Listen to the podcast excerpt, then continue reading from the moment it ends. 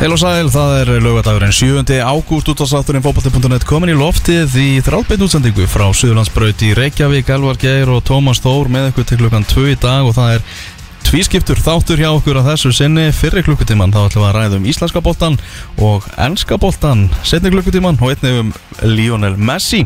Stóra fréttir af honum núna í þessari viku En uh, með okkur í fyrri klukkutímanum er Rappi, Rapp Markus Vilbergsson er hingað komin okkar sérfæðingur um, um lengjudeldina en ætlar einnig að, að ræða um uh, sambandsdeldina og aðeins í, í Pepsi Max deldina Velkomin Rappi, gaman að, fá þig áttur Já, takk fyrir það. Þetta er ekki bara feskur, búin að vera að ferast úr landið eins og venjan er, þú ert, ert mikið að ferast innanlands. Já, já, ég er, ég er búin að mikið því sumar og hérna, verið mikið í sólinni Hver var svona skemmtilegasti staðurinn sem þú heimsóttir í svo hans? Það er alltaf gafn að koma aðgurir en líka náttúrulega bara í Hallumstaf sko Það er búin að vera bara steikið sumar ert með fínasta tann og svona þannig að Er þú búin að taka eitthvað góða leiki eða? Já, ég er búin að fara nokkra leiki um landið Hvað er neðsta deildin sem þú sást Það leiki? eru í þriðdildinni, Hvað fórst á? var að leiki á Sindra Hjá sindir það? Þannig að það er hérna, uh, ég er búin að fara um allt Ok Hvernig er, var ykkur humar til á hotnafyrir það? Já, ég er alltaf til ná það Aha Ég held að vera búin að vera svo mikið brans í eða? Aldrei huma skortur þar sko. Heyrðu, við ætlum að byrja á lögadagsveitinum Það sem að við skelltum okkur stómas á 50 daginn voru læstir inni í sambandstildinni Þetta var bara, óþægileg upplifun. Þetta. Var óþægileg upplifun. Við ætlum bara í hálfleika rölda bara út í sjópu og En það voru enga veitingar. Já, náttúrulega, veitingabannaðar og eitthvað. Það var bara læst hlið Bara þeir eru mættir hérna á fótballtaleg Og þeir farið ekki hérna út sko Ég segi að ég fara þarna út í hálfleikin Það sem að Við máttum ekki fara inn í Laugardas Eða sem sagt í þetta undir stúkuna magnaða mannverki Það sem að hættir að gera ekki neitt. Uh, Og við máttum ekki fara út af vellinum Og svo búið að gera það meiri sig af með einhverjum böndum Þannig að við máttum ekki taka alvöru gangutúri yfir í hinastúkuna Þetta var eins og bara, strákarnir á rauninu að fara út í svona recreation. Já. Bara svona við löppuðum í ringi Mhm. Og allt fólki var bara einu merinni sem hafði eitthvað að gera Voru þeir sem voru að reykja það er bara þannig. Þú var einu sem að nutu sko. Hittum þetta Hönnur Sím og það var Það var virkilega þetta gaman. virkilega skemmtilega en ef maður vill einhver staðar vera læstur inni þá er það bara í sambandstildinni sem að hefur verið alveg Bara aldrei losna. Já, hefur verið bara gjössalega stórkostlega og þessi leikur allir nákvæmlega engum ombriðum, hann leist ekki á blikuna þegar Aberdeen var komið þarna tveimur mörgum yfir eftir umlega tíu mínútur. En uh, já, svo bara snýru blikar þessu við og, og, og jöfnuðu 2-2 Uh, fyrir hálfleik, í setna hálfleik þá svona, það var lítið um færi hjá sem að blikata fengu og uh, Albertín tryggði sér hérna sigurinn. Þreföld skipting sem er gerðu í, í hálfleiknum og náður svolítið svona að loka á blikana, en allt galopið fyrir setni leikin og eins og Óskar Ramm bara kom rækilega inn á í viðtali eftir leikin, við ætlum bara að fara til Skotlands og við ætlum að vinna þessa gæja. Þeir komur á óvart hversu lélegir þeir eru í, í fótbolta? Já, ég hérna Ég skal útskýra þetta aðeins með, með Óskar Hrafna á, á, eftir smástundu Við kannski byrjum á, á leiknum Náttúrulega virkilega góður leikurinn og yfir 90 mínútur hjá, hjá breyðabliki og náttúrulega tölfræðin í fyrirháleiki að vera 50, nei, 66% með boltan á móti uh, skosku aturmannaliði sem hann enda í fjóraða efsta sæti hann einhver þrjú ári röð og, fyrir vel af stað í dildinni svona mikið og gott prójekt hann í, í gangi. Segir svona setjum bara svona hvert uh, þetta blíkalegi komið. Mörkið segir fá á sig náttúrulega út úr tveimur förstum leikadröðum uh, þar sem þeir voruðust náttúrulega alveg herfilega og svo svona ansi veik skyndisók þannig að ótrúlega mikil óþarf mörk a- að fá á sig en hérna þetta er náttúrulega, þú veist, enn og aftur, ég meina ég veit að úrslitin kannski, við erum ekki að tala um það sem einhverja sigurvegar í þessum leik, en svona fótboltalega séð hvernig þeir fóru gegnum Racing Union, hvernig þeir fóru gegnum Ástria og allt lofið sem þeir fengu þar og síðan taka þetta með sér inn í leikin því að, sko, Robin, nú ert þú svona þjálfari og hlýtur svona að kunna svolítið að meta það sem að Óskar er að gera og hvernig fótboltableikarnir er að spila. Sko, ef að bara svona venjulegt, svona hefði venjulega íslenska lið hefði bara farið innleik, bara hinlegin sem voru í Európu FH, Stjarnan, hefði bara farið í svona gamla góða, þú veist, íslenska mótilið leiða hans aftur, en það beti ykkur skindisóknum ég meina, hefði ekki Aberdeen miklu, þú veist, hefur ekki þrefist þar, að, hefur bara fengið á loftónum á J. Emanuel Thomas bara í 90 myndur Mér finnst það líklegt sko Það er alltaf kannski líka mest á lofis mér er að hérna hvernig komum tilbaka. Það er mjög mikið karakter og því. bæði, bæði leikmenn og, og hérna, þjálfarar og líka svo sem áhörðu líka hvernig þeir stiðja liðið bara í áform í hún 200 lundi með bara tveim slökum mörgum náttúrulega, mm -hmm. virkilega slökum og okkur þá mörg sem við kannski viljum geta varist. En hérna og hvernig komum tilbaka og reynilega yfirspila Abedín bara á stóru hluta og það líkillir fyrir blikana eins og segi var að vera eins mikið um boltan og hægt var því að þú veist að veist, Ísland, það sem við erum náttúrulega erum ekki sterkari heldur en skotarnir uh, líklega ekki fljótari en kannski þú veist verið svona nettari og mögulega teknískari ég meina mér að þeir voru endar nokkur mjög fínir í þessu afbyttinliði, við ætlum alls ekki fara að gera lítið úr þeim en svona þú veist, blikarnir voru ekkert eitthvað síðri teknilega og svona litlir og snakkarlegir og gáttu gert svona góð, gísli Eyjóls áttu fullt af fínum momentum og svona. Að, hérna, þannig að þeir svona einhvern veginn leku leik sem að myndi halda fannst mér allavega miklu eðlilegri á móti svona liði í staðin fyrir að fara inn í leikin og gera allt einhvern veginn sem að myndi henda Aberdeen sko. Já, ég er sammála, þið spilur á sinnleik og hérna og er að fara bara í setnileiki bara með hörku stöðu, margan hátt. Já, já. Þessu útvöldamörkjum alltaf eru off þá náttúrulega er þetta allt önnur staða. Mm. eins mikið og vildu fá þau eftir fyrirleikin í Vín að það var mjög fint þessi ekki núna. Þannig að í þessari stöðu alltaf þurfa þær í 1-0 stöðu úti þannig að komið við framlýning á þetta og, og hérna í staði fyrir alltaf með útvöldamörkjum þurftu að skora þrjú til þess að ná þeirri stöðu kannski eða skora 2-0 og allt það en hérna mér veist einhvern veginn þessi boltin sem Óskar hefur verið að spila og berjar fyrir og tala um og hann, hann er einhvern veginn að skína þetta í gegn í þessu umhverfi. Og alltaf ekki syngt sig á móti kannski hérna heima inn á milli, móti sem dæmi Keflavík og fleiri liðum, það er ekki náði í gegn að klára það leiki, en þannig er með leikur sem að, og síðustu leikir í Eurókjöndinni sem hafa bara líkan er sínt svona kannski auka faktora sem að heiliðin er ekki sínt Já. Þetta er náttúrulega, þú veist, við hefum kannski ekki gleyma því að þetta er ár tvö.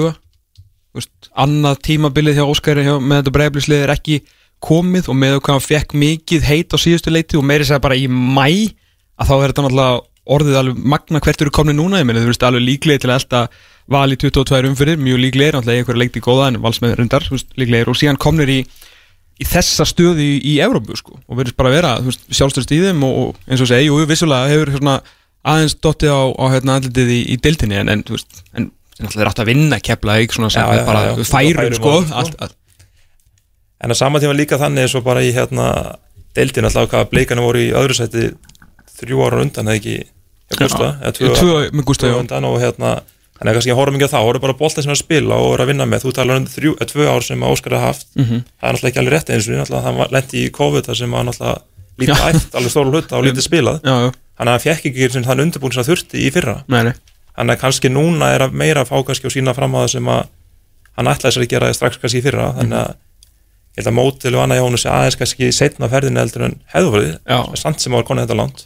Það sem alltaf Óskar hefur alltaf verið að tala fyrir er að, að hérna, svona aðeins meiri possession based bolti og þú skilur gera eitthvað annað heldur en að þú veist leiki bara teig og skyndisóknir og sparka þú veist langt og annað bolti og allt það skilur með, þú veist, auðvitað er þetta komið lengri það en svona í grunninn er íslensku fótbolti oft mikið þannig, þú veist, neglunum í kanalinn og svona, og en sumlið spila ákveðtis bolta. Uh, en þú veist, hann hefur talað mitt fyrir þessu að reyna að fara inn í þú veist, í vitali hér og vitali þar og vitali allstaðar að, að svona þóra að halda meiri boltan til þess að ná lengri Evrópu því að fyrir utan svona einstaka dæmi undarfærin áratug pluss náttúrulega hefur íslensku liðin mjög lítið gert í Evrópu. Það er lítið að við náttúrulega erum í röstflokki á næsta ári þannig að hann hefur kannski ímestið til síns máls. Og hann er allavega svona ja, þetta er svona hans, hans pælingar allavega að sanna sig í þessum leikjum. Á saman tíma og veist önnulið sem að já, sátu bara ekkert með boltan vissulega í mjög erfiðum anstæðingum hérna náttúrulega Bótuglind og Rosenborg en það gekk ekki en þetta er ganga. Já, já. líka náttúrulega með þessu, það sem hann er að gera líka upp á bara leikminn annað hann náttúrulega líka algjörlega fá þá leikminn og sækja á leikminn sem vill fá. Mm -hmm. og leikminn er að detta út sem eru kannski hafa verið þeirra bestu menn. Mhm. og við síðast bara Tómas Mikkelsen sem að hefur verið besti leikmæður alltaf blika síðustu, hvað, 5-6 ár. Algjörlega. Svakalega drúur maður. Þannig að hann er svona einhvern veginn algjörlega og hefur verið vera með allt, allt sístemið bakvið sig líka í þe- þeim ákvörð sem hann tekur. Mhm. og hvernig sem það, það þróast með Tómas þá er hann að detta út. Þannig að hérna, aðri líklega komin í staðinn Við sjáum náttúrulega að það er líka góð hundur í að rabba sko, með, með recruitment því að veist, Óskar náttúrulega er einhvers konar eh, einsmanns bara, þú veist, alfarað orðabók um hérna íslensku liðin og alla leikmennina og og fær þá leikmenn sem hann trúir að hann getur búið til eitthvað úr og náttúrulega selt út til þess að fá meiri pening inn til að halda þessum mótil í gangandi. Og það er kannski ekki allt og mörg liði þessari deild eh, svona, að þú er ekki að fara í eitthvað upptalningu að maður getur klúrað því en svona við, allan, við, sjáum það að það er alveg slatti af liðum, kannski allt og mörglið sem að eh, eru ekki, ekki kannski með alveg nægum miklar pælingar á bakvið leikmannaköfum sín sérstaklega kannski svona í glukkanum og svona. Hann verðist algjörlega að vera þar með, þann, þú veist, hann veit nákvæmlega hvað hann vill og hvað hann ætla sér og hann alltaf hefur líka verið að sækja þess stráka eins og Jason Dada og Robert og fleira sem hann kannski ekki allir sáu. Nei, nei, og hérna og sá hvað það gáttu og hann einhvern veginn á að tengja þá inn í veist, það er líka alltaf mun að fara annar deildinni eða lengi deildinni eða hvað þá inn í Pepsi. Algjörlega þannig að hann er náðu að tengja strákað inn og selta líka út og byrjar á því strax. Þannig að árif hans og blíkalið alltaf eru svona öðru en alltaf svo snýst líka með honum að ná að halda því út. Já, halda út og hann halda stefnun í gangandi og halda öllu systeminu, þetta virki, þetta sé ekki, þetta ekki út eftir eitt, tvö ár. Nei, það, það er mjög góð punktur og líka hversu margir, hann er kannski sem betur fyrir með alveg ansið drjúan hóp af leikmónum sem eru kannski komnir svona einhver stær öfu með 25 sem allir smakka aðtunum mennsku en við vitum að þeir eru ekkert að fara aftur. Þú veist, það er, ég held að með fullir viringu, þú veist, Gísli Eyjóls Höggi, eh, Oliver Sigurjóns Alessandur Helgi, ég veit að hann var ekki fyrir aðtunum mennsku en þið skiljið hvað er að fara, þessi strákar þarna svona 25-27-8 En svo erum við með manni svo, þú veist, Átna Vilhjónsson sem að gjóð svona blómstraði í þessum leik. Já, en ég, ég held sko og, og, og ég, ég hugsaði bara, þú veist hann var bara heima á svona, svona leveli sko. þannig að bara Átni Viljónsson vera að spila bara í hverju viku sko. Ég, algjörlega, en þú veist, ég held að þeir hafa alltaf komið inn í tímubili með Átna Viljánsson svona haldandi hann væri raun og veru bara á láni. Já, að kí, kíkja við. Við vitum alveg af hverju hann kom hérna. Það náttúrulega var nokkuð auðljóst þegar að besta knarspilnu konun okkar uh, hérna, tilkynnti það að, hérna, hún væri ólétt og þá vissu við kannski af hverju hann var að koma heim núna. Hvert hann fer síðan í haust ég meina, hann, ég held að hann sé ekki að fara að spila með hérna, Olympic Lyonnais í líka á, kannski hann er kannski ekki alveg þar í dag, en Ja. hvort hann fari í eitthvað liði frá Aklandi eða verði nálægt hérna, sögur, kannski skiptir ekki allir máli hvort, og hvort hann komi aftur veit maður ekki þeir Vák, hann var góður í þessum leik Það var svakalega góður í þessu leik og þá maður sá alveg af hverju hann er búin að vera veist, landslið og, og spila í atvinnumennsku og veist, alltaf að fá, hann var alltaf nýjan Mhm. veist, þetta, hann var alveg bara vítaspindami þeir eru ekkert við hann sko. Nei, nei, bara vel gert. Mm. Mínus á, á blikunum er náttúrulega þessi mörg sem það fá á sig og þetta fyrsta mark sem kemur á þriðju mínútu. Það er erfitt fyrir þjálfaran að að sjá svona mark og líka bara strax í uppaði leik sem allar búið að flöta, flöta leikin á. Já, þetta er bara smá skrín hátna og það er nótilega gala og allt og, og spilnan er ekki svona först er þetta er mjög einfalt og, og svo líka skallamarki í markið tvö menna þetta er ekki, jú, jú, tala um blika leið sem minna og allt það, en þessi strákun skorar ekki með 1.80 á hæð, þannig að þetta er ekki ykkur ísi, þannig að hann samt alveg var langt upp fyrir hann, þannig að það var svona mjög sveikjandi, en alltaf þetta er alltaf frábælega samt í Evropabolta og mótið liðis Abedín að koma tilbaka. Já, og ég las nú einhvers að Abedín hefur ekki lent ekki mist niður svona tveikja marka fórust í Eurókendi síðan hvað 93 já gegn Torino en hérna ekki það skipt svolítið máli. En, hérna Nei, ég meina þú veist, þetta er sögufræðu klúppur ég meina ekki gleyma því, þetta er alltaf klúppur sem býr til Alex Ferguson og hann kannski býr til Abedin á móti, ég meina þetta eru ég veit að það er mjög langt síðan en þetta eru hérna, Európmestrar byggarhafa sko, þeir vinna, þú veist, bæði munn hérna og Real Madrid sko. en þeir eru allan ánæða samt sinna skotanir að hafa skorað þrjú mörg Já, því að þeir skoru hvað var fjórða fæst mörkin í deildinni fyrra þannig að þetta er lið sem að kannski þeir sáu fram að við komum Ramírez hann upp á topp sem að getur skorað og Mhm. þannig að það er smá væntinga strax til þeim fótt að þessi að vinna bara blikana 3-2 Já, það er kannski svona, þú veist, eins mikið við getum eh, svona auðsilofi yfir, hérna, fótbolta segir spila, veist, hugrekki að bara haldi í boltan, ég veit á miklu minna í setni á leikn, alltaf Aberdeen gerði þreifalda skiptingu, skiptum kerfi að því að bara húnum Stephen Glass leist ekkert á blikuna, en, en þetta verðum við að svona, aðeins að þeim þetta flengi á fyrir að fá sig þessi þrjú mörg, sko, því að, hérna, en aftur, þú veist, ef við snúum því síðan við, ef að breyðablík hefði bara staðið á teik bara eins og Íslands liði í Europakefni og allar hann að glíma þetta í 90 mínútur þú veist, þeir fá þessu tvö mörg á fyrstu 13 mínútonum veist, að- þeir fara í skilur slægin um, um sentimentur og kíló sko. Já. Þannig að ég er ekki alveg að sjá að það það er ekki mikið slagur sentimentur kíló í fyrsta markinu. Vissulega ekki, ég, ég samt úr skrínið því að þeir voru ekkert að hlaupa í gegna þetta er ekki svakal skrín samt sem á þetta er mjög, þetta er svona svonandáttur og stressið upp á Nei, en, en aftur, þú veist, ef það er eitthvað sem við, ef það er eitthvað sem við segjum að blikarnir séu ekki Já, já, að þá er það að þeir eru ekki harðir sko. Mm Aberdeen leiðir eftir fyrirleiki settileikurinn á fimmtudaginn en eins og þetta var skemmtilegur Óskar Rapp skemmtunna áfram með einu á viðtölum ásins eftir leikin Sko, hérna Já, ég hef, ég hef mjög gaman að þessu Alveg verulega gaman að þessu Því að sem einstaklingur sem að þekkir Óskar Hafnaðis hann var náttúrulega yfir með að minni einhver, einhver tvö ár og hérna og ég leitt að ljúga því að það hefur verið draum minni raun og verið bara alveg frá því að byrja í blamen sko, að vera ekkert um hann svona undir Óskar Hrafni með að við þú veist, sögurnar sem hann hefði hýrt á honum og lesið eftir hann greinar að hérna já ég hef mjög gaman að þessu því að þarna á þessum þessum svona hvað, 25 sekundum eða eitthvað þarna fengum við að sjá Óskar Hrafn. Þetta er Óskar Hrafn. Karakterin sem hann er búin að búa til svona þessi heimsbyggi professor sem að fyrir mjög stóist og rólega við málin og talar vel um sína menn og Hægt og rólega. hægt og rólega og talar svona, svona talar fallega, náttúrulega er mjög vel að máli farin þetta er bara, þetta er karakterin sem hann bjóð til það því að hann vill held ég, myndi ég halda ekki vera kannski svona innan gæsalapa hann sjálfur. Við munum, sko uh, þú manns kannski eftir hún betur sem leikmanni, sko. Uh, ég meina 17-18 ára komin í ofur káarlið þú veist, sem bara klettharður ungur grannustrákur, ég meina þetta er gæðin sem að sko hann fótbrytur næstu eins og Sifo 18 ára í leik, Eurubleik Káur og, og Tórun og við veit ekki hvort þið séð á YouTube þegar Gauði Þórða tekur hann út af og hundskammarinn eins og krakkar, hann var mjög aggressífur leikmaður, hann var mjög og tekur svona öllu sem hann svona allt sem hann fer í vill hann gera fullkomlega. Og kannski fær svona mögulega eitthvað svona framistöðu kvíða bara að því hann langar að gera allt svo fullkomlega og með ótrúlega metnaðgjörn og náttúrulega meðisnæma gleymið því ekki að hérna, ég veit að það er fullt af ungu fólki sem veit ekkert kannski um hans er leikmanni, hann er fyrirlegundu 21. áslanslisins, ég meina hann er einn yngsti leikmanni í einu besta liði sem eru sett saman á Íslandi í káurliði hérna early 90s eh, hann fyrir atvinnumönsku fattur veist, hann var frábær leikmaður sem hann alltaf fyrirlin endist ekki eh, út af meðslum, hann fyrir bladamönsku þar sem hann verður by a country mile beittasti penni Íslandsögunar sko. mm -hmm. og að hann er bara að pakka fólki saman veist, sem penni, ég meina 2007 skrifur hann um hvernig landslið löngu ára hann mátti tala um konur, veist, almennilega í fókbólta þegar veist, áttu bara alltaf að vera, halleluja, skrifa hann að það eru sko drullað í buksunar bara, skrifa það bara pappir, þú veist, það er þá til, sko, á tímæli.is svona hluti sem enginn gerði mm. að þann er grjót, grjót harður og mjög gaman á hann, sko en hann kannski vill ekki vera svo típa hann vill vera svona meiri svona, þú veist, stóiskur svona pælari og svona, þú veist, og það er svona hans svona þjálfara karakter, skilur við en þarna, í svona 25 sekundur fengu að sjá af hverju Óskar Rapp í raun og veru, finnst mér, er búin að ná svona svakalega langt og svo skömmun tíma.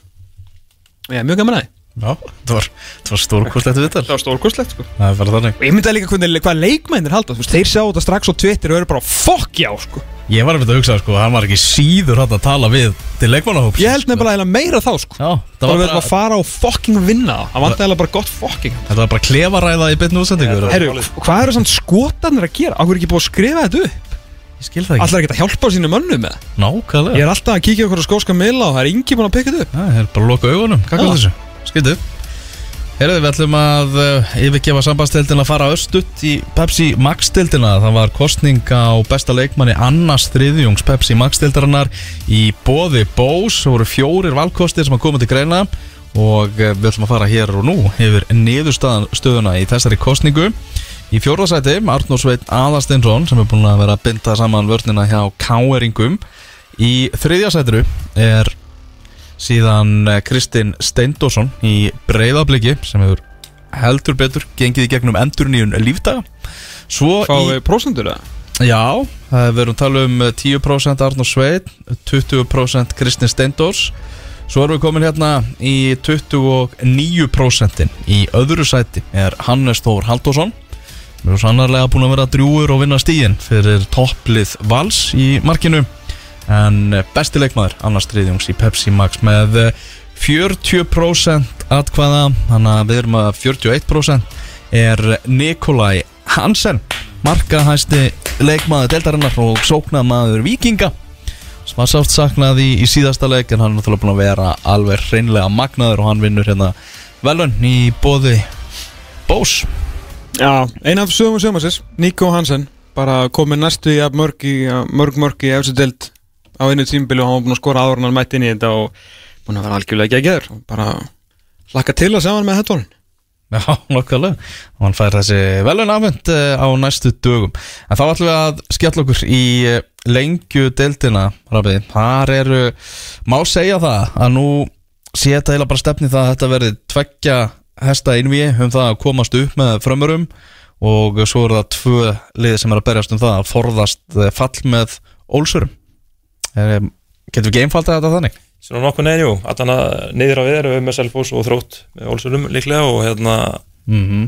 er hún ekki líklega, það er mjög erfitt að fara að ná Þórsurum með afturhendinga Grindavík en hérna, og uppöður náttúrulega erum við framvara, bara voruð nokkuð örugæli og spila hann að glima þetta vel og svo er það IBF kortinengir og svo er svona ólíklega vestur og fjölinni fara að ná þeim Já, nákvæmlega. Þannig að það er ótrúlega staða á margan hátt svona horfum tilbaka, kannski örf ár tilbaka við vorum að tala um kórtrengi IPVF og fram sem kandidat að fara upp. Já, þannig að það er eiginlega bara ótrúlega umræðapunktur sko. Já, ef við byrjum bara hérna í, í laugadalunum og leiknum sem var í gerkvöldi sem að ég skellti mig nú á hérna, þróttur kórdrengir sem endaði 0-3 bara sást bara að talsverðu munur á, á þessum liðum. Sérstaklega þróttarar gáttu nákvæmlega ekki neitt í fyrirháleik uh, hefnir bara kórdrengir skoruðu bara eitt mark þá og heldur svona vonunum á lífi. Uh, síðan kláraði, kláraði kórdrengir þetta svona undir, undir lokin. Uh, Þetta var náttúrulega lið sem er að berjast þarna á, á sitt hvorum endanum og þróttar hafði möguleika því að koma sér upp úr fallseti en bara hvort reyngir einfallega miklu betra lið í dag. Það er klart mál og einhvern veginn í þessu leik og sérstaklega þessi bara, ef ég fallega yfir þetta leiki var bara mjög sterkara lið og, og voru bara yfirbúrlega að vellinum. Og einhvern veginn vant að sjá þróttarna hversu einhvern veginn síðan er að fara svona fyrir illa margan hátt en ég held að samt þróttar sé líka að fara í tíðanbili alltaf öðru sig, með ég tók saman bara því ganni svona meðalaldur fyrstu fjóra leikin hjá þrótti, það er eitthvað 25 ár tæ, rétt tæp og, og síðustu fjóra núna er rétt tæp 22 ár, þannig að ah. þeir fóru ekki inn í tíumbili með þetta lið sem er með í dag og, og einhvern veginn hefur það einhvern veginn svona aðeins, kannski margir betri leikmennur fyrirfram, og, og markmannir Sam, Samuel Ford og Leri hafa ekki kannski að hvorki að spila þar mínundu sem átt að spila eða ekki verið nógu sterkir. Mm, Það er ofta að meðslaristin er lengri eftir því sem vergengur og og svona, er bara allir af eldri leikmhórnum bara lenda á meðslalistar Já, og það er náttúrulega mjög flókið stað að vera þjálfara að vinna með og kannski fer inn í tíanbili með ákveðna svona punta sem ætlar að vinna með og vinna á og, og, og svo vera með aðra í kringum en kannski svo er kannski strákar nummer 6-8 og orðinir kannski aðal mennir mm -hmm. það er flókið staða mm. Með að segja það þróttur að það var svona það verður alveg hrikaleg mæting hjá þeim í, í sumar og einhvern veginn svona eins og bara stuðnismennir hafi yfirgefið á það var aðeins bara að koma tilbaka og var svona fínasta mæting bara í gerð sko. Já ok, það er, hérna, það er fint Það er eitthvað, þetta er þetta verður bara, má ekki búast því þetta ráðist bara í blá lók tímabilsins hvort það verður þróttur eða selfos sem maður finnir Já ekki nema selfos, það er ekki bara eitthvað smá rönn og, og skilja bara eftir en með staðinni svona þá náttúrulega hefur þróttur eða bullandi séns og, og þess vegna gamanleika fólk sem að mæta og stiða liðið sitt til þess að hérna, það er náttúrulega séns, enda í tíundasæti í þriða fjóra ári rauð og allt það en hérna hversu gáma sem það er. en náttúrulega, nú okkar kórturingi aftur þá náttúrulega er þetta lið sem náttúrulega styrtið sem mínu viti best í glukkonum Já. og lið sem að greinilega þeir ætla sér missa náttúrulega markmann út, vissi það líklega fyrir fram að vera dætt út ákveðin tíum úti og, og fá bara öfla á markmann og, og fara svo í káreikan og sækja sterkar mann það líka hana, þetta er ekki einhverju aukvisa sem koma Það er líka bara alveg að reysa sögulín að kórdrengir sé að fá uh, leikmann lánaðan frá KR Hvernig var Alex Ísleik? Frábær. Ó, frábær, Já. ok. Hann, þú veist, er náttúrulega búin að vera mikið frá og allt það og svona þarf aðeins að tjekka hann í, í gang en þú veist, hann síndi alveg gjósanlega gæðin og, og hann kemur með bara mikið svona bara sköpuna mátt, mátt og, og klókindi í þetta, þetta lið uh, kórdrengja, það er alveg klart mál, um og hann er líka svona leikmaður sem við kannski tölum með líki vor að þeir hafa verið öll síðust ára að fá betri leikminn úr, að góða leikminn úr deiltur ofan mm -hmm. þeir náttúrulega náðu því ekki unni vor mm -hmm. nema að fengur náttúrulega erlenda leikmenn en nú er alltaf einhvern leikmaður sem er virkilega sterkur leikmaður á pepsundar leveli Mm -hmm. og er að koma niður þannig að þeir eru ennþá í góðin sens að að elda í bjófallega eins og Davís Mári sagði við þetta leik hann er svona bara tempo stjórnandi í spilinu hjá okkur. Alveg sver ég meina, var náttúrulega frábæð leikmaður þegar hann fór í káður sín tíma, hann hefur náttúrulega voða lítið getað gert fyrir þá, sko. Já, En hérna, Þetta er ágætið smikstur og hann og Davíð Þór Áspjösson saman hann sko. en líka bara sjá við, veistu að við erum alltaf að tala um skiljum þrótt og svona recruitment og hvar þeir eru stattir svona í þessum svona frumskói sem að er, þú veist, hvar eru þeir komnir í fæðukæðuna um, um leikmenn, þú veist, á þessu Reykjavíkusvæði það er náttúrulega, er auðvitað auðveldara fyrir Reykjavíkulega að reyna að halda einhverju strákum heldur fyrir sveitina að fá þá, þú veist, kártrengi með einhver tíman hefði nú, þú veist, þróttur náttúrulega hefur verið mikill svona landsklúpur, verið að fá leikmenn úr, úr stærri liðum gegnum tíðina og gert það bara ágætlega. En þú veist, núna náttúrulega Grindavík er, þú veist, menn eru að nenn að kera þangað þegar þeir náttúrulega er smá, þú veist, þú fær eitthvað í lommen í, í Grindavík, alltaf nót til þar og uh, svo það náttúrulega þegar, þú veist, með fjölni náttúrulega og svo pepstildinni síðan þegar kórdrengir eru líka komnir fyrir ofan því í fæðukenni, sko, þá náttúrulega fer lífið að verða ansi erfitt, sko Já. ég með veist, ég veit að hérna, Axel Freyr gerði nú ekkit fyrir viking ég minna, hann var samt, það er ekki nema tvö ár síðan að hann var líkilmaður í liði sko, sem að ferja upp með, með grótunni þannig að þú veist, hann kann þessa deild út og inn og svo fóði leikma frá K.R. og setja þróttararnir eftir og, og taka eitthvað svona, þú veist, bingolótt og spánverja sko. þú veist, við veitum ekkert hvað hann á eftir að gera fyrir á í svona sérlutunum, þannig að Þetta er, uh, já, kórturingin hafa komið með trukki og dífu inn í íslenska fótbolta og eru búin að sko reikspóla hérna fram úr sko mjög rótgrónum liðum sko. mm, Nýkomur og sótkvíð þeir eru að fara í bara Svolítið svona öðruvísi prógram núna. Nú er það að fara að spila, spila og spila. Þetta er bara endurheimt og svo bara undirbúningu fyrir leik og leikur. Uh, Ega afturöldingu bara strax á þriðudaginn Og síðan er, risa leikur eftir viku uh, Þegar kortringir IPVF er fram í breiðaltri það er bara risalegur þegar hvað þeir eiga ekki fimm leiki núna í ágúst held ég og hérna Það var eins gott að náðu sér leikmenn Já, með með þess að eftir að koma fyrir einu leik hjá þeim held ég Er ekki Viking Óla, Ólasvík Já, leikur? Hann er ennþá án Ah. dagsendingar Ah, Þannig að þeir eru náttúrulega, ef við taka afturöldingu og, gefa okkur endur þetta að kannski mögulega IBVF vinni Ólasvík mhm. að þá er þetta ennþá allíka lengur en, en leið að vinna IBVF þá er þetta komið bara í bara í baki á IBVF og það er þeir náttúrulega líka í leik inni við taka þá leiki þá náttúrulega er þeir í kjörstöðu En segi það, ég meina Kortrengir IBF verður mögulega bara úrslita leikur. Þú veist, þetta er, hver, er þetta föstarsleikur? Please, er þessi föstarsleikur? Lögatarsleikur Skluðan tvö? Fjögur. Á, já, já, ok. En það við erum að tala um, já, að það er hérna Kortringir eru með þetta í sínum höndum. Það er þannig. Það er einfallega þannig. Mm. Já, það er náttúrulega eins og aftur eins og byrjum á bara ótrúlega staður núna. Já, að hérna, og hvað gerir KSI ef Kortengi verður upp? Hvar, hvar spila þeir þá? Það er, fyrir útið þá en kannski og, Það er gamla, gamla góða undan þáan Já, hvað það hendur sér á lögadarsvöldin bara. Nei, takk.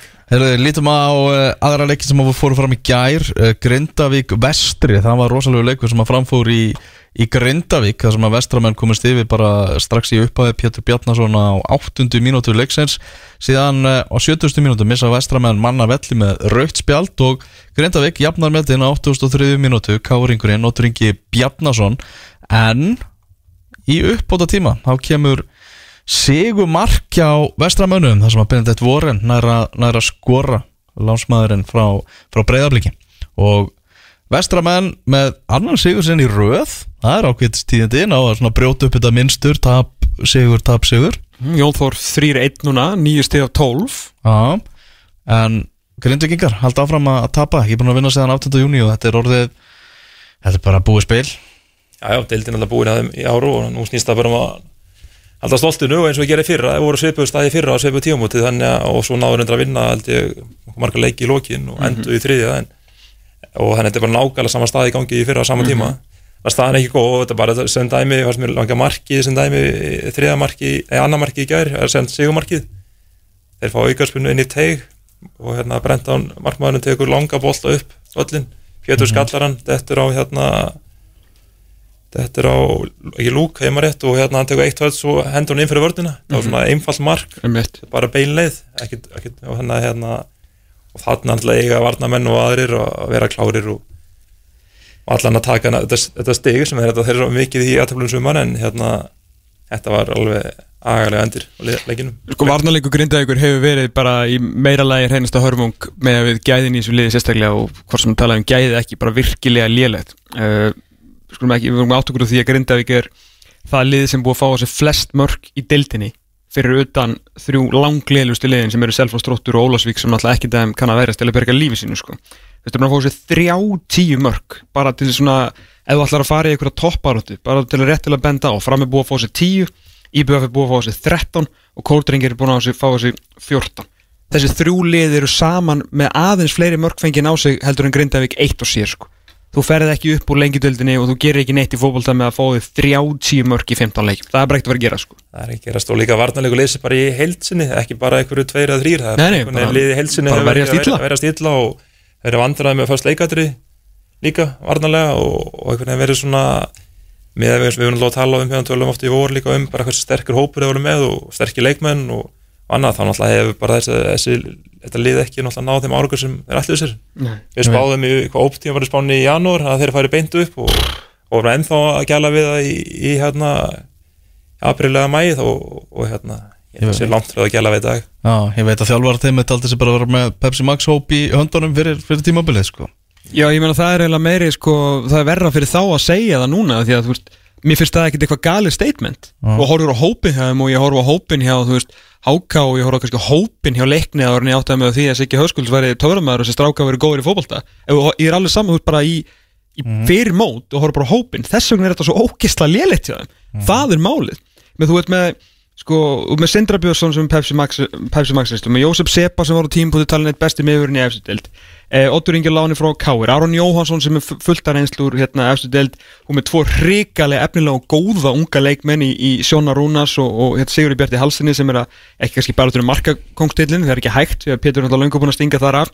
Ert með hérna, Tiago, ert með aturumann þar, ert með aturumann í Sepa, þú ert með aturumann í, í Valid Abdillahi sem bara góður er búin að ná í Aron Dag í, í markið allt í hennu kemur Joppi inn í þetta líka sem var nú lék sér að þessari delta fyrir nokkurum árum en ég áttum fyllilega því að hann er að koma úr retirement. Þetta lið sem ég var að tellja hérna upp strókar, bara aðeins til að setja í samingi og auðvitað, þú veist, við fáum alltaf okkur að pillu þegar við tölum vel um makk okkar og veist, það er ekki okkur að kenna að hann sé einn af okkar betri vinum. En, lítið bara budget munin á Grindavík og afturheldingu ég meina, þú veist, Grindavík er að vinna með okkur á fiskipenninga uh, þú veist, og bara og, og, og það er enginn að lasta á fyrir það bara þeir vilja og það er bara metnaðurinn í gangi og menn, þú veist, þeir bara sækja leikmenn þeir eru með 20 stíg búin að eh, skora 27 mörg fá sig 30, þeir eru með 20 stíg í sjönda sæti.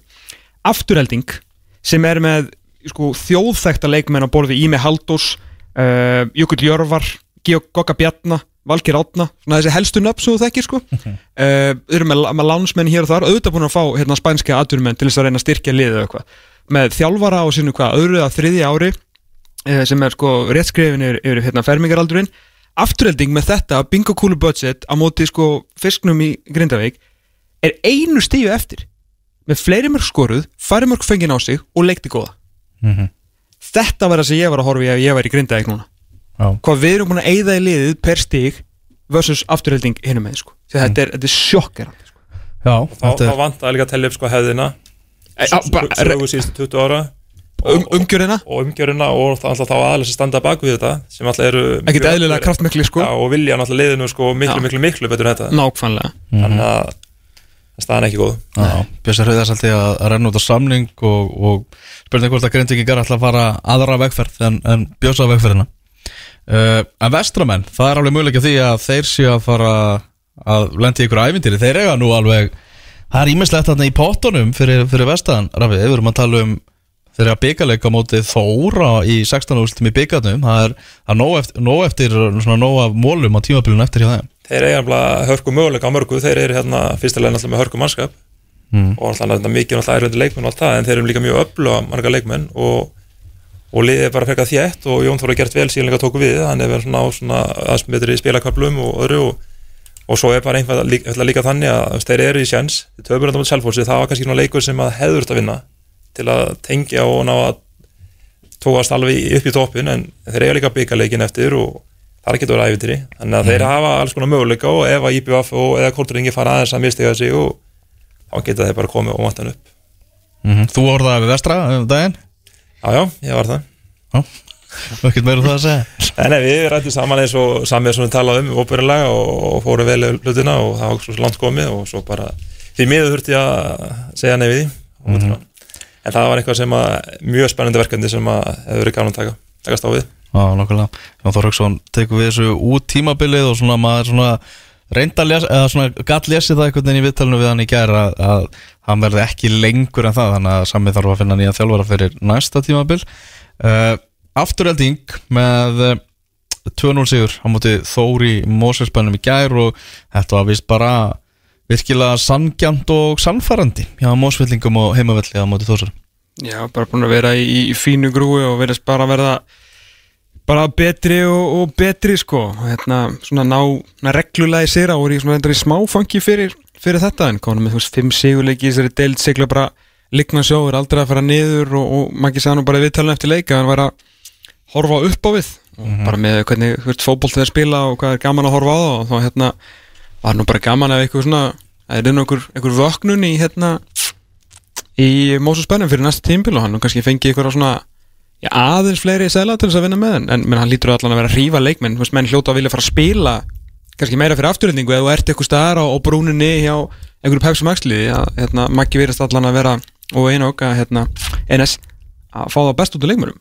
mm -hmm. þetta er bara ungir puttar þarna og meira þess að þeir sem koma lánir að standa sér mjög vel sko bara gaman að sjá þess að það ger líka bara eins og bara fyrir að markið það er hérna ég leik mér að tellja að mér það er tókuð 21 sendingu á ein, einni heilri mínútu sem Ok. okay. hinn komast ekki í boltan áður í skoruðu Mhm. áður hann hérna Georg tekur krossin á, á hérna Arnogöta og og stangarinn inn þannig að þetta var búið að vera mínúnda með boltan Maggi ból Maggi Bóli með þú veist það þeir, er gaman að sjá það sko í þessu líka þú veist, við erum talandi stig og þeir eru með 19 stig og allt það, hvað sem það nú og en líka bara hvernig bolta þeir, hann er búin að koma inn í og, Mhm.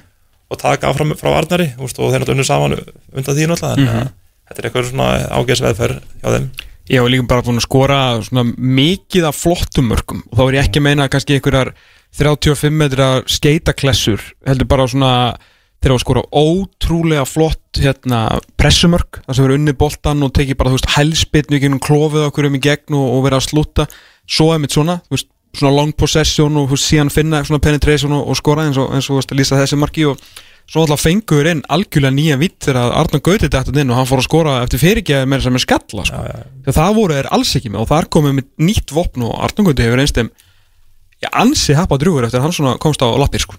svo náttúrulega er það eins og tala um líka um peninga þarna það er ekki mikið peninga vegna er synd eins og smávennis Alberto sem spilaði í gær hann er búin að meita um allt í einmitt, og það er náttúrulega einhver sem að liðið svo afturöldning og fleiri lið náttúrulega með ekki ekki. við að kannski þeirra svona kannski tromp séu frá.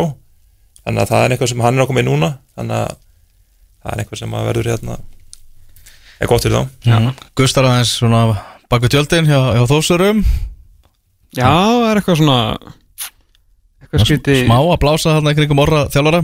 Já, en, eh, já, jú, það, það er endur alveg, alveg rétt sko. komur aftur svona hann tapar tveimur röð eftir gott rönn og svona í, ofan í bland við þetta dómaravæl og svo hann hann strákur Jakob sem að fór í, fór í káa en ja, bara vonandi fyrir þá þeir að ná aðeins að rétta sig af því að veist, þessi góði kapli var góður hefum sko. Maður svona vonaðist þeir myndi halda þeirri veffur einhvern veginn áfram. Mhm, Já, tengja við það. Fyrir máleikina sem að voru á fimmtudaginn og þar var bara svona ósköp Já, bara hefðbundin lengju delta dagskrá á fimmtudagskvöldið. Fram að vinna fótbollaleik, Selfoss að tapa, Pétur Theodor að skora. Þetta var bara svona lengju deltinni sem við þekkjum hana. Þessi, þessi gamla ekkert óvænt. Ekkert óvænt.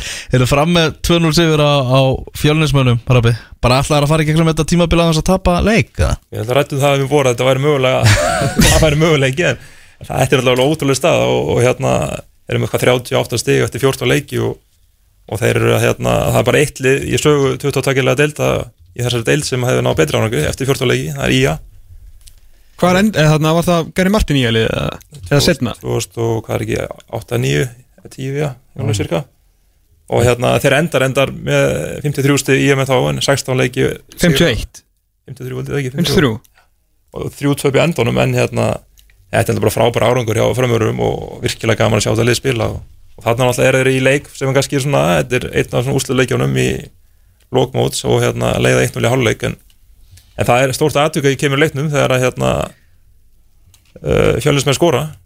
Það er aukarsvölda kanti og boltinn dettur alveg vera fjær og hann flaggaði ránstæður það er erfitt að sjá það eða þetta svona, ef maður stoppa ramma hérna í upptökunni og þá hérna erfitt að sjá að hann síðir ránstæður hann skorar hérna alveg að fjær en ég veit ekki hvort að þessi hafi skoðað eitthvað. Nei, ég er bara fá frá mér ég, Sá bara ásið var ósáttu við dómgæsluna? Já, sko, Sigur Páll er ístur í, í línurúla, bolti kemur alveg fjær og, og hérna, ég get ekki séð að hann sé ránstæð, hann er fyrir aftan mann þegar bolti kemur en Hvað er staðan hann það? það er 1-0, þetta er í Ah. fyrirjáleik og hérna og það er eina sem er mögulega eitt sem, eitt sem fer í hlaupalínuna Alexander Freyr fer í hlaupalínuna. Og er, hann er, hann er ránstæður en hann er engin ára á leiki þannig að það er rándýrt í svona leikjum. Já, heldur betur. Mm uh, maður leiksins uh, Aron Þórður Albertsson eins og Stefán Pálsson skrifaði þarna framsíðuna að hann sé að vera svona eina vannmettnestu hetjum þessa, þessa sumars. Svona kannski leikmaður sem er svona minna talað um í framleiðinu Já, já, hann er náttúrulega einn af þeim, en svo líka bara í svo lið, þetta er einhvern veginn, það er engin að skora, er, hvað er ekki Fred markaðstu með 7-8 mörg, mm -hmm. eða hvort það var hérna Albert, og þannig að þetta er hérna margir svona, margar svona hetjur í liðinu, núna. Já, alveg frá fremsta manni eða aftasta manni. þeir svolítið að skiptast á að svona taka við keflinu og þetta er einhvern veginn, þetta er mjög góð blanda á lið og, og gaman að sjá líka framhaldi, ef við fyrir bara að horfa á það, að þetta lið fara upp og hvað gera það í framhaldi, hvernig styrkja þessi og hvað styrkja þessi og hvað þurfa að styrkja þessi í. Já, nákvæmlega Þessi, þessi úrslit hvað því að þau fyrir fjónismenn ég held að sé bara game over þannig sé fyrir hérna fjölnir í að komast upp en, en það er ekki nema eins og við tölum bara á það með þá að þú veist að hinliði fyrir ofan farið bara að tapa og tapa en ég held að það sé ólíklegt að fá leikir eftir. Mm Gróta var- vinnur 2-1 sigur á móti selfisingum uh, kannski ekki óvænt maður svona hefði kannski alveg veðið á þessu úslit fyrir fram. Já, Selfonslega hefur alltaf verið í, í brasi og, og töfur alltaf með þrótturum í lengna munda þannig að þetta er einhvað sem, að, sem er erfitt að hérna, sjá hvað er í ganginu á Selfossi. Þegar náttúrulega við aftur með mannskap þá náttúrulega viljum við sjá liðið kannski gera betur og tengja fleiri sigra en samt finnst mann eins og allt þessu Selfoss getur tekið smá rönn mm -hmm. og, og skilið þróttur eftir en það er ekki að það gerst Nei, En af, af hverju það? Mér, eða, eins og við, ég, það er leikin sem ég sé það það er einhvern veginn mannskapur þannig samsettur að mér finnst það að vera öflugur en þrótturinn með Já, ég meina þeir, það þeir, eru með, þeir eru með leikmenn sem að ég ætti að geta komist lengra og, Mhm. og gert meira ef að annar liði, ef við förum að bera sér tvölu saman þrótt og, og selfos en, en með það gerist ekki þá er náttúrulega bullandi möguleiki fyrir En það er ekki meira, þú veist, þurfum við ekki meira með að sko Selfoss við hinliðin deildinni? Ég held að við séum báðir sammála um það, ég veit að þróttur vann á um daginn En ég er samt sammálaður að Selfoss betur manna svona almennt sko. En, en Selfoss gegn hinum nýju liðunum já, ef við erum bara að hugsa um hver, hvort liðið með falla þá náttúrulega eru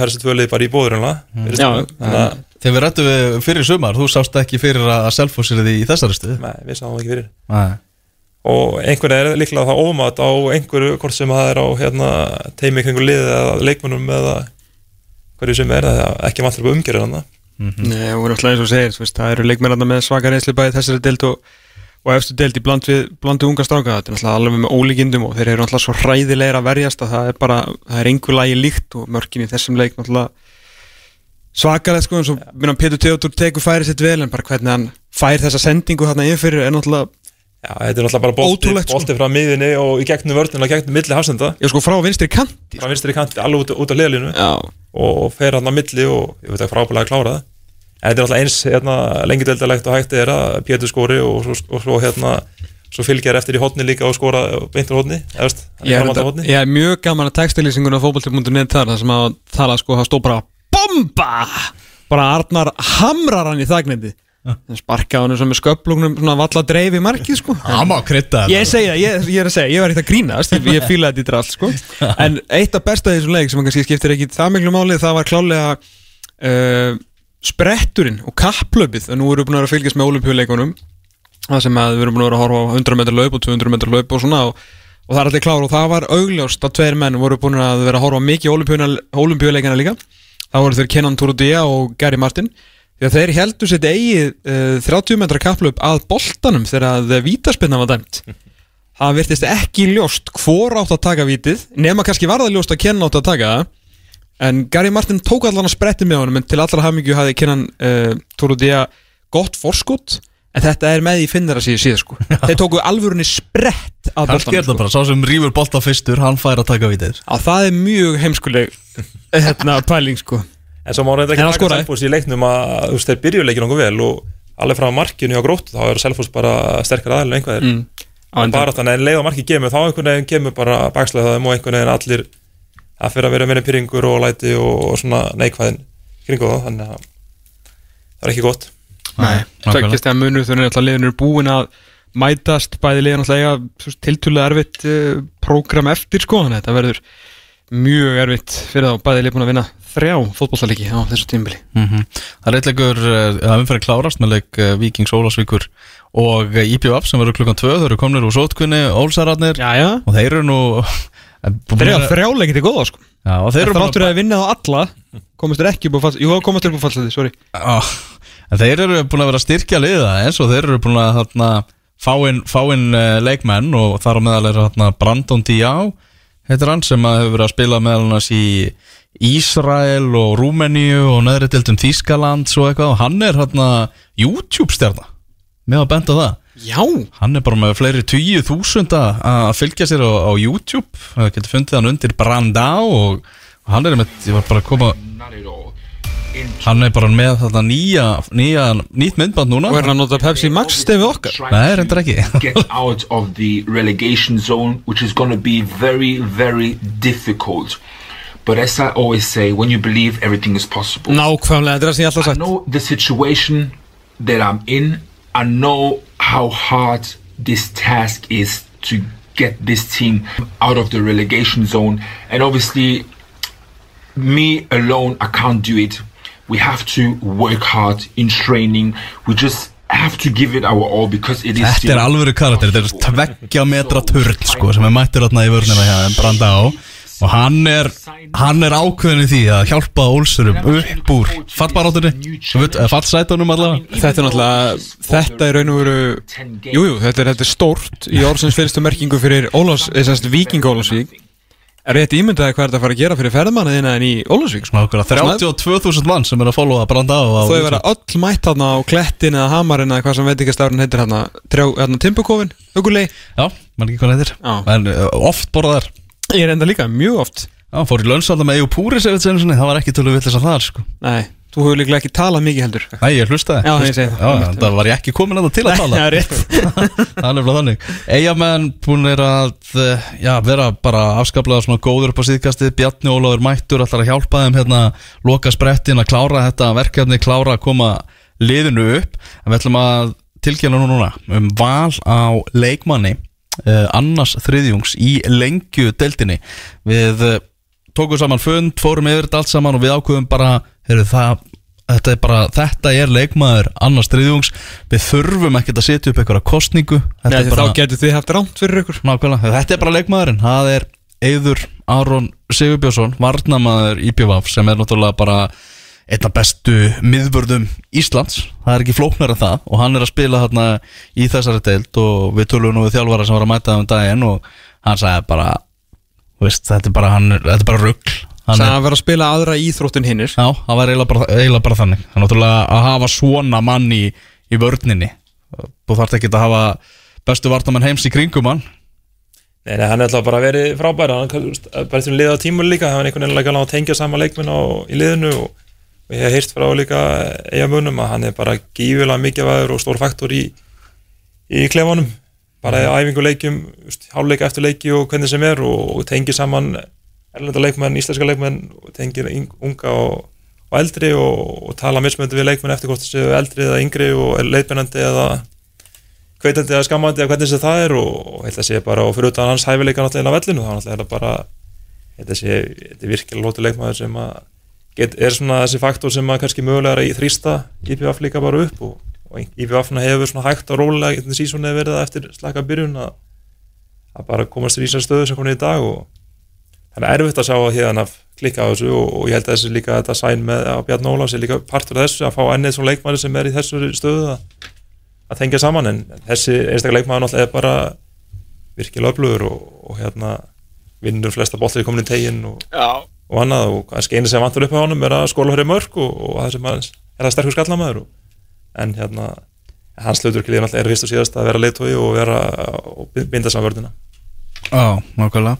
Þannig að uh, þetta er verið að berast bref Það er er alltaf gaman að því. Og uh, það er hérna, styrnismæður Selfoss sem að er ekki hrifin af Dín Martin. Já, segir að hann geri ekkert taktist skoði móterjana ekkert byrt án ábyrðar Þetta er náttúrulega þetta er að vera að byrja bref Þetta er að berast bref, þetta er, þetta er byrst án ábyrðar hérna í Ég, miðja ég fagna þessu eiginlega brefinu bara yfir höfuð mikið því að við höfum nú svona það verður seint sagt að við höfum verið jákvæðir í gerð selfisingar og einu verið frá tímbili byrja nema þeir náttúrulega unnu kortringina sem við, leikinu sem við fórum nú allir saman á. Að þeir þar voru þeir bara einfallega miklu betri. Þeir voru bara frábæri í þeim leik og maður svona ok, spennandi hlutir á selfossi. Fyrir utan síðasta móment í leiknum það er að tókist tók hérna Já, já, það tók hérna strumpufílu kastið að hérna sko en í svona þrjá mánuði erum við búin að vera á bakinu á selfosingum eðlilega þeir náttúrulega eru við það að falla í þessu deild. Það er hvorki heyrst hóstinni stuna frá selfossi Já. og erum við nú vanir að fá pillur? Já, já, og í 12 ár höfum við verið að, taka við, veist, við eigum svo mörg pilluboks til þess að setja þessar pillur í að það náttúrulega er ekki lifandi átt sko, og búin að pyrra hvernig einasta stuðnismann að kjærða hérna mörgu sinnum uh, ekki, hvorki hóstinni stuna frá Sarfossi Mm. ekki orð. Ég, ég bara, þú veist, er allum sama eða? Já. eða er þið bara svona sammál okkur? Það hefur aldrei gerst sko. Já, einmitt, það er mjög skrítið. Ég bara, þú veist, ég hugsaði, ég óttaðist bara að öllum væri einhvern veginn saman, sko. Mm. en allan ekki þessum manni. Nei, en samt erum við punktu, ef þú læst aftur upp setnipunktin í þessu brefi þá þá talar um að hérna, hann undirbúið sér ekki fyrir leiki og skoða ekki anstæðingin Mm. þetta kemur þá stuðnismanni, þetta er svona erfitt að vera að ræða þetta í einhverjum útastætti stuðnismæður, hvort hann sjáu vinnuna sem að tíðin leggur í er Ég tek brefinu meira bara svona sem að honum sé actually sama sko. Já, við erum alls ekkert að fullera það að Nei, satt og guðum, rétt, ég er sko. bara að fagna því að það sé eitthvað, eitthvað hjarta að slá hann sko. Við erum að tala um það ef að segjum að Kortrengir vinni afturhaldningu á þriðudaginn erum við þá ekki bara búið að leggja upp í já, bara stærsta leik lengjudeildarinnar á þessu tímabili Kortrengir IPVF á, á næsta lögadag ég held að það sé bara að hreinu og, og ef við sjáum kannski við kæmum svo staðu upp að Kortur ekki myndi vinna Já. þá er alltaf eru konum með ótrúlega spennandi og skring, skringilega stöður núna. Það þarf að gera eitthvað Þú veist, nú þarf hérna lengjan uh, maður gera bara fína hluti í þessu lengjudel.is bara búin að vera solid síðan, maður sér all mörkin og þá leiki sem maður vill og svona. Uh, Nú það er bara eitthvað svona smá húlumhæ fyrir hennar leik. Já, bara eins mikið ég veit að það er hérna COVID en þú veist, bara þó að sé einn kall með blöðru fyrir börnin eða þú veist, eldgleipir eða eitthvað skilur, bara eitthvað smá. Aðeins að, tjak, að þetta er leikur leikjana í sumar sko. það var, það var töframæður hjá Kortrengum í daginn, sko. Í alvöru, Já, já, ágrís, sko, var eitthvað hann að bara eina heimaleiknum sem ég mist af. Sprella hann með bötunum og eitthvað. Gjöðvikt Það er ekki sko. Heyrðu þið ætlum uh, rafið áður með hleypuður í burtu. Þá ætlum við að, ætlum við að fá þig til að setja 1x eða 2 á næstu umferð í Pepsi Max deildinni sem að verður nú spiluð bara mestmæknis á morgun svo er eitt leikur sem að verður á dagskrá á mánudaginn.